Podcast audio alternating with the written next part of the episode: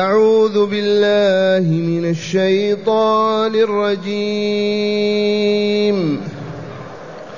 وقال فرعون يا أيها الملأ ما علمت لكم من إله غيري ما علمت لكم من إله غيري فأوقد لي يا هامان على الطين فاجعل لي صرحا فاجعل لي صرحا لعلي أطلع إلى إله موسى. وإني لأظنه الكاذبين. واستكبر هو وجنوده في الأرض بغير الحق وظنوا وظنوا أنهم إلينا لا يرجعون. فأخذناه وجنوده فنبذناهم في اليم. فانظر كيف كان عاقبة الظالمين. وجعلناهم أئمة يدعون إلى النار. ويوم القيامة لا ينصرون. وأتبعناهم في هذه الدنيا لعنة ويوم القيامة هم من المقبوحين. ولقد آتينا موسى الكتاب من بعد ما أهلكنا القرون الأولى بصائر بصائر للناس وهدى ورحمة لعلهم يتذكرون. أحسنت. معاشر المستمعين والمستمعات من المؤمنين والمؤمنات. قول ربنا جل ذكره وقال فرعون يا أيها الملأ. إنه لما انبهر فرعون بالحجج والبراهين التي ألقاها موسى وأفصح عنها أخوه هارون وبينها في هذه الحال بدل أن يؤمن فرعون ويسلم انعكس وقال ما علمت لكم من إله غيري. لما دعاه موسى إلى التوحيد إلى عبادة الله وحده إلى التخلي عن هذه الدعوة الباطلة وأنه إله وأنه رب وأغدق عليه الحجج والبراهين بدل أن يسلم ويؤمن قال هذه الكلمة التي أخبر تعالى بها. وقال فرعون يا أيها الملأ يعني رجاله من جيش وغيره يا من يملؤون المجالس ما علمت لكم إله غيري. ادعى الألوهية وأنه الإله المعبود بحق. ومرة قال أنا ربكم الأعلى. مرة ثانية لما انبهر بالحجج القاطعة والبراهين الساطعة من موسى وهارون أمام الجمهور بدل أن يقول آمنت قال يا أيها الملأ ما علمت لكم من إله غيري. تعلم ولا تعلم يا عدو الله كيف تعرف أنت؟ ما علمت لكم إله غيري. أو فأوقد لي يا هامان على الطين. والمراد به الآجر الطوب الأحمر. الذي يصنع بالنار. وقال أهل العلم أول من استعمل هذا الآجر هو فرعون في هذه المرة. أوقد لي يا همان هذا رجل من رجالتي لعله وزير المال أو العمل. أوقد لي يا هامان على الطين فاجعل لي صرحا أي بناء عاليا نصل به إلى السماء لنبحث عن إله موسى الذي يدعي أنه فوق السماء. ما أقبح هذا المسلك وما أفسد هذا الرأي. وبالفعل قام رجاله بصنع الآجر وبناء الصرح العالي العالي هو ارتفع إلى مستوى وسقط عليهم فقتلهم أجمعين. ما نجا منهم لا العمال ولا البنائين. الكل هلكوا وما آمن. فأوقد لي يا هامان على الطين فاجعل لي صرحا لعلي أطلع إلى إله موسى وأصل إليه. وأراه وإني لأظنه من الكاذبين. لا تعجبوا. أهل الباطل والخبث والشر والفساد يقولون مثل هذا وأكثر. مع أن العقلاء يسخرون من هذا الكلام ولكنه لجبروته وطغيانه وعتوه ادعى هذه الدعوة والناس يسمعون ويبصرون. قال تعالى واستكبر هو وجنوده. أخبر تعالى أن فرعون حمله على هذا الكبر. كيف يتواضع وينزل ويقول أنا عبد الله. ويتبع موسى وهارون ويعبد الله معهما. حمله الكبر واستكبر هو وجنوده في الأرض بغير الحق. استكبروا في الأرض بغير الحق. الذي يحمل الخرع في بطنه والبول والوسخ في فمه هذا يصلح أن يكون متكبرا. الذي لو انقطع عنه الماء مات وهلك تخبط. الذي لو انقطع عنه الطعام كيف يتكبر؟ كيف يستكبر؟ أي حق يستكبر به؟ الكبرياء لله الخالق لكل شيء المحيي المميت المعطي المانع الضار النافع خالق كل المخلوقات هذا هو المتكبر الجبار. أما الذي يأكل ويشرب ويموت إذا جاع وعطش ويحمل الخرأ في بطنه ما يستحي يتكبر. ولهذا يخبرنا رسولنا صلى الله عليه وسلم فيقول لا يدخل الجنة من كان في قلبه مثقال ذرة من كبر. لا يدخل الجنة دار السلام من كان في قلبه أيام حياته مثقال ذرة من كبر. لأنه إذا وجد هذا المثقال من الكبر صاحبه ما يعبد الله. ولا يستقيم أبدا ولا ولا لأنه مصاب بهذا المرض هذا الداء ما يعترف بالحق ولا يذعن له ولا يعطيه لهذا المرض. إذا فنعوذ بالله من الكبر نعوذ بالله من الكبر. اللهم إنا عبيدك أبناء عبيدك نواصينا بيدك ماض فينا حكمك أنت ولينا لا ولي لنا سواك. واستكبر هو وجنوده في الأرض بغير الحق وظنوا أنهم إلينا لا يرجعون وفي قراءة لا يرجعون. ظنوا الظن هنا بمعنى اليقين ويطلق الظن على اليقين. لكن هل هم موقنون أنهم لا يرجعون؟ فهم في الشك اذا وظنوا أنهم إلينا لا يرجعون بعد موتهم ولا يقفون بين أيدينا ولا نسألهم ولا نحاسبهم ولا نجزيهم إما بالنعيم المقيم في الجنة دار السلام أو بالعذاب الأليم في النار دار البوار والهلاك والعياذ بالله تعالى. ومعنى هذا أنهم مكذبون بالبعث الآخر. أعيد القول. أركان الإيمان ستة. أعظمها لا إله إلا الله بأن تعتقد أنه لا يستحق أن يعبد إلا الله. في العوالم كلها العلوية والسفلية لا يستحق أن يعبد بالركوع والسجود بالذكر والدعاء إلا الله. ثانيا محمد بن عبد الله رسول الله. قطعا ثالثا البعث الآخر.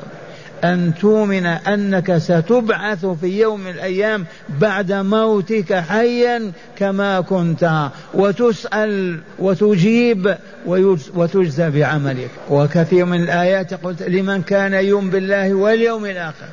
هذا الذي نقوله من يقدر عليه من كان يؤمن بالله واليوم الآخر.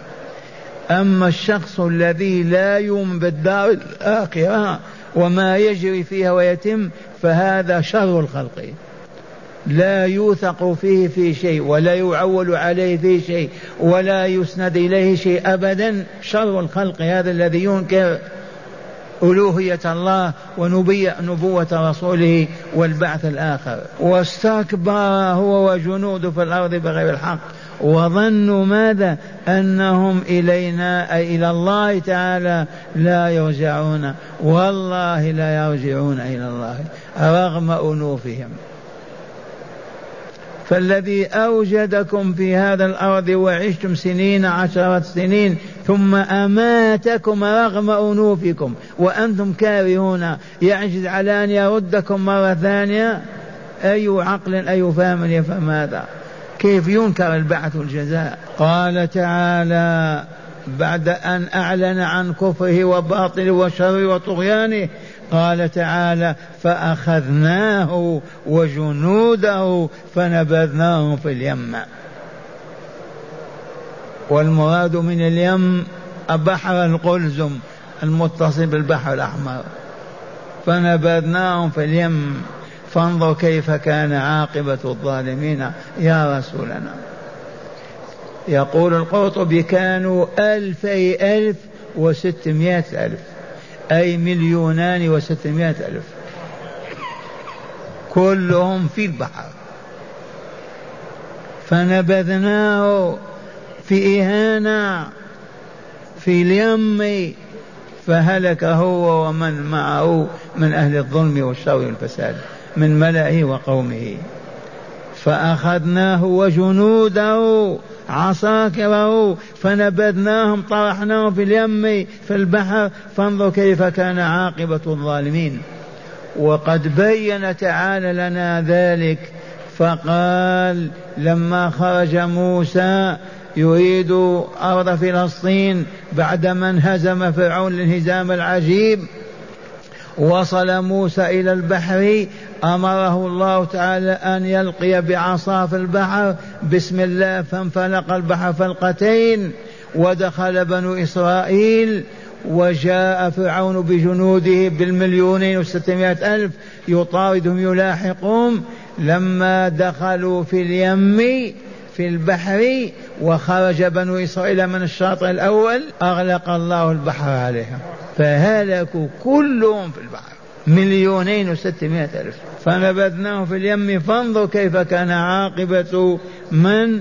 الظالمين. كانوا ظالمين وإلا لا؟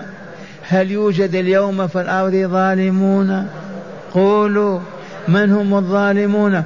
كل كافر كل مشرك بالله في عبادته والله إنه لظالم.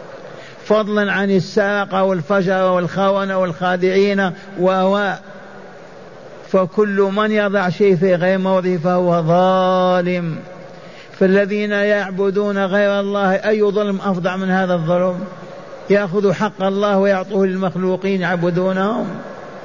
أي ظلم أفظع من هذا الظلم؟ الذين يسلبون الناس أموالهم وينتهكون أعراضهم ويهينونهم ويدوسون بنعالهم أليس هذا الظلم؟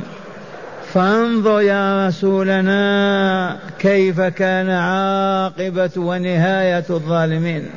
إغراق وتدمير وإلا لا خربت البلاد واستولى عليها بنو إسرائيل. قال تعالى وجعلناهم أئمة. من هم هؤلاء؟ بنو وجعلناهم أئمة يدعون إلى النار أي فرعون وملأه. جعلناهم أئمة هداة دعاة يدعون إلى ماذا؟ إلى النار من هو الذي يدعو إلى النار؟ الذي يدعو إلى الكفر يدعو إلى النار الذي يدعو إلى الشرك يدعو إلى النار الذي يدعو إلى الخبث يدعو إلى النار الذي يدعو إلى الظلم يدعو إلى النار وهكذا إذا الأخباث والمشركون والظالمون والفسقة كلهم إلى النار هل هناك من يدعو إلى النار لأنه يقول تعالوا ادخلوا النار لا لا أبدا قل ما فيه نار أبدا ولا عذاب ولا ويدعوهم إلى الشرك والباطل والشر والفساد. في الواقع هو يدعوهم والله إلى النار. فالظهر يدعوهم إلى الأكل والشرب والنكاح لكن في الباطن يدعوهم إلى جهنم. هذا خبر الله تعالى. وجعلناهم أئمة جمع إمام يقتدى به ويمشى وراءه. يدعون إلى النار ويوم القيامة لا ينصرون. إي والله العظيم. من ينصر أعداء الله يوم القيامة؟ من يتكلم مع الله؟ إلا من أذن الله له أن يقول كلمة. وكم من ملك في السماوات لا تغني شفاعتهم شيئا إلا من بعد أن يأذن الله لمن يشاء ويرضى. للذي تدعوه أنت له. قال تعالى وجعلناهم أئمة يدعون إلى أين؟ إلى الجنة. يدعون إلى النار. أما أئمة التوحيد أئمة الإيمان والإسلام يدعون إلى أين؟ والله إلى الجنة. ويوم القيامة لا ينصرون. أما دعاة الهدى والإيمان والإسلام والله لا ينصرهم الله يوم القيامة. ويدخلهم دار السلام ويشفعهم في غيرهم. ثم قال تعالى وأتبعناهم في هذه الدنيا لعنه وأتبعناهم في هذه الدنيا لعنه ما تنتهي لعنة الله على الظالمين والمشركين إلى يوم الدين. ويوم القيامة هم من المقبوحين. عيون زرق وجوه سود متعفنين منتنين أي قبح أكثر من هذا؟ كيف يحشرون إلى جهنم على أبشع صورة وأقبحها ويوم القيامة هم ممن؟ من المقبوحين. تعرفون القبح ما هو؟ وجوههم سوداء عيونهم زرق حالهم منتنة أقبح ما يكونون والعياذ بالله. ويوم القيامة هم من المقبوحين. ما المراد بيوم القيامة؟ يوم نقوم من قبورنا ذاك يوم القيامة. الآن نموت وإلا لا؟ جيلا بعد جيل. وسينتهي هذا الموت بانتهاء آخر واحد. بعد ذلك يحيينا الله ويبعثنا من قبورنا. يوم نقوم من قبورنا تلك هي القيامة. ذلك هو يوم القيامة. ويقال في يوم البعث الآخر. وأخيرا يقول تعالى وقوله الحق ولقد آتينا موسى الكتاب من بعد ما أهلكنا القرون الأولى. ما المراد من القرون الأولى؟ نوح وهود وثمود وصالح وإبراهيم. هذه أمم هلكت وإلا لا؟ آتينا موسى ماذا؟ الكتاب العظيم ألا وهو التوراة التي كتبها الجبار بيمينه. ولقد آتنا موسى الكتاب. هذا الذي قاوم فرعون وصاوله حتى هزمه. بعد ما انتهى من فرعون ومشى في طريقه إلى أرض القدس استدعي رسميا إلى ربه وأعطاه التوراة.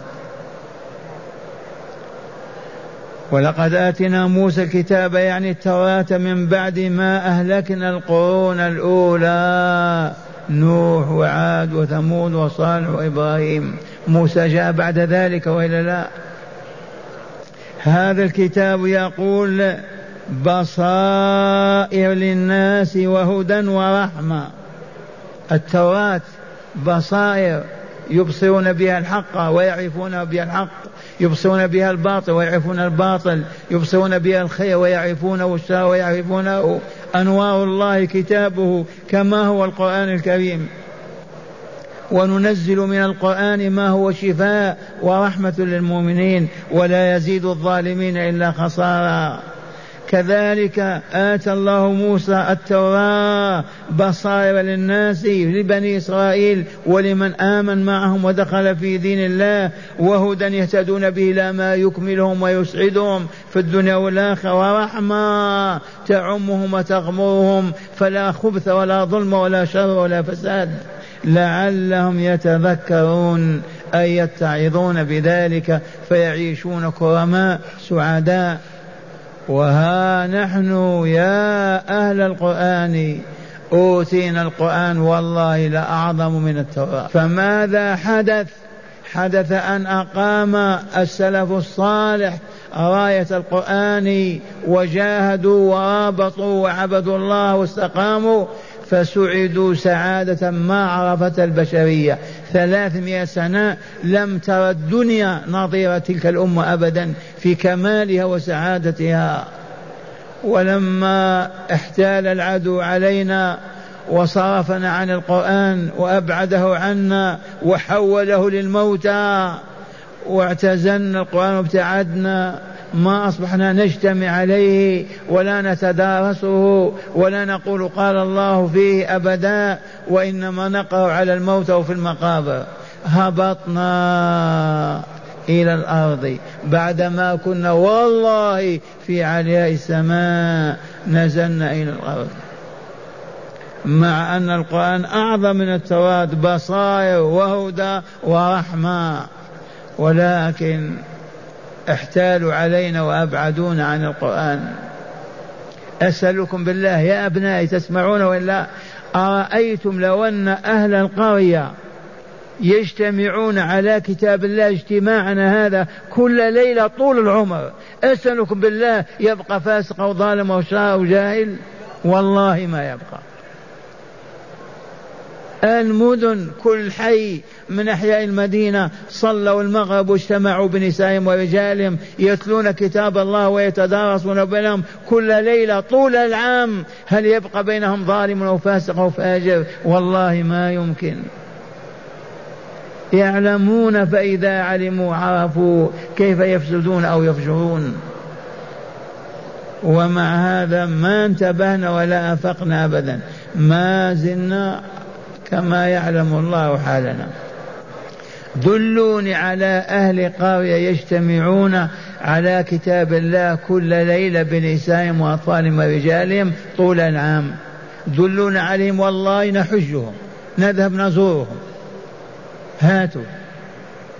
في الشرق أو الغرب في العرب أو العجم. لما لا يكون هذا؟ كيف نعرف ربنا؟ كيف نخافه كيف نحبه كيف نطمع فيه ونرغب ونحن بعداء؟ كيف نعرف ما ما نتقرب به إلى الله؟ كيف نجاهد أنفسنا ونبعدها عن الهوى والدنيا والشهوات والأهواء؟ من أين يأتي ذلك؟ الطريق الوحيد هو أن نجتمع على كتاب الله وهدي رسوله صلى الله عليه وسلم كما فعل سلفنا الصالح والله إن رسول الله ليجلس في تلك الروضة وحوله أصحابه بالمئات وهو يعلمهم الكتاب والحكمة ويزكيهم أما امتن الله بهذا عليهم؟ هو الذي بعث في الأميين رسولا منهم يتلو عليهم آياته ويزكيهم ويعلمهم الكتاب والحكمة. علموا أو ما علموا علموا وأصبحوا علماء وأكثرهم والله ما يقرأ ولا يكتب. وأصبحوا ربانيين لو تعرف تاريخهم وكمالهم لتعجب من صلاحهم. سبب ذلك ماذا؟ الكتاب القرآن العظيم. الذي هاجرناه وابتعدنا عنه بحيلة اليهود والنصارى والمجوس. أسمعكم شرح الآيات من الكتاب. مرة ثانية تأملوها هداية الآيات. بسم الله والحمد لله. من هداية هذه الآيات أولا بيان أن فرعون كان على علم بأنه عبد مربوب لله وأن الله هو رب العالمين. بيان أن فرعون كان عالما في نفسه أنه عبد الله وأنه مربوب وأن الله هو خالق وربه. ومع هذا يغطي هذا كله ويتظاهر بالباطل. نعم. ثانيا تقرير صفة صفة العلو والاستكبار لفرعون وأنه كان من العالين. نعم. فرعون كان من الجبارين المتكبرين يكفي أن يقول ما علمت لكم من إله غيري. هكذا يقول العوام ويستبد بهم. ويقول أنا ربكم الأعلى. أين مصيره؟ في جهنم. بلايين السنين لا ينتهي عذابه أبدا. هو والمؤمن المتبعون له. نعم. ثالثا. بيان كيف تكون عاقبة الظلمة دمارا وفسادا. بيان كيف تكون عاقبة الظالمين دمارا وخسارا. كيف انتهى فرعون وقومه؟ بشرونا خبرونا. أليسوا من جه من البحر من الغرق إلى جهنم؟ ذي هي نهايتهم وهكذا نهاية كل الظالمين. رابعا دعاة الدعارة والخنا والضلالة والشرك أئمة أهل النار يدعون إليها وهم لا يشعرون. من هم دعاة أهل النار بيننا؟ دعاة الربا والزنا والخمر واللواط والكذب والعقوق والشرك والباطل والخرافة والضلالة. والله لدعاة النار. أي يدعون الناس إلى النار. لا يقول ندعوكم إلى النار لكن يدعونهم إلى الأفعال والعقائد التي توجب لهم النار. ما سمى فرعون دعاة النار ولا كيف يدعو الناس إلى النار؟ يدعوهم إلى الكفر والشرك والظلم حتى يدخلوا النار. أعد هذه. قال دعاة الدعارة والخنا والضلالة والشرك أئمة أهل النار. أئمة أهل النار. يدعون إليها. يدعون إليها. نعم. خامسا بيان إفضال الله تعالى على بني إسرائيل وذلك بإنزال التوراة فيهم كتابا كله بصائر وهدى ورحمة. بيان إفضال الله وإنعامه على بني إسرائيل أنقذهم من فرعون وإلى لا وجبروته وأرسل فيهم موسى وأنزل عليهم التوراة وعاشوا سعداء كذا قرن وبعد ذلك انتكسوا فهبطوا. لما أعرضوا عن كتاب الله وهدي نبيه كما هي حالنا وحالهم.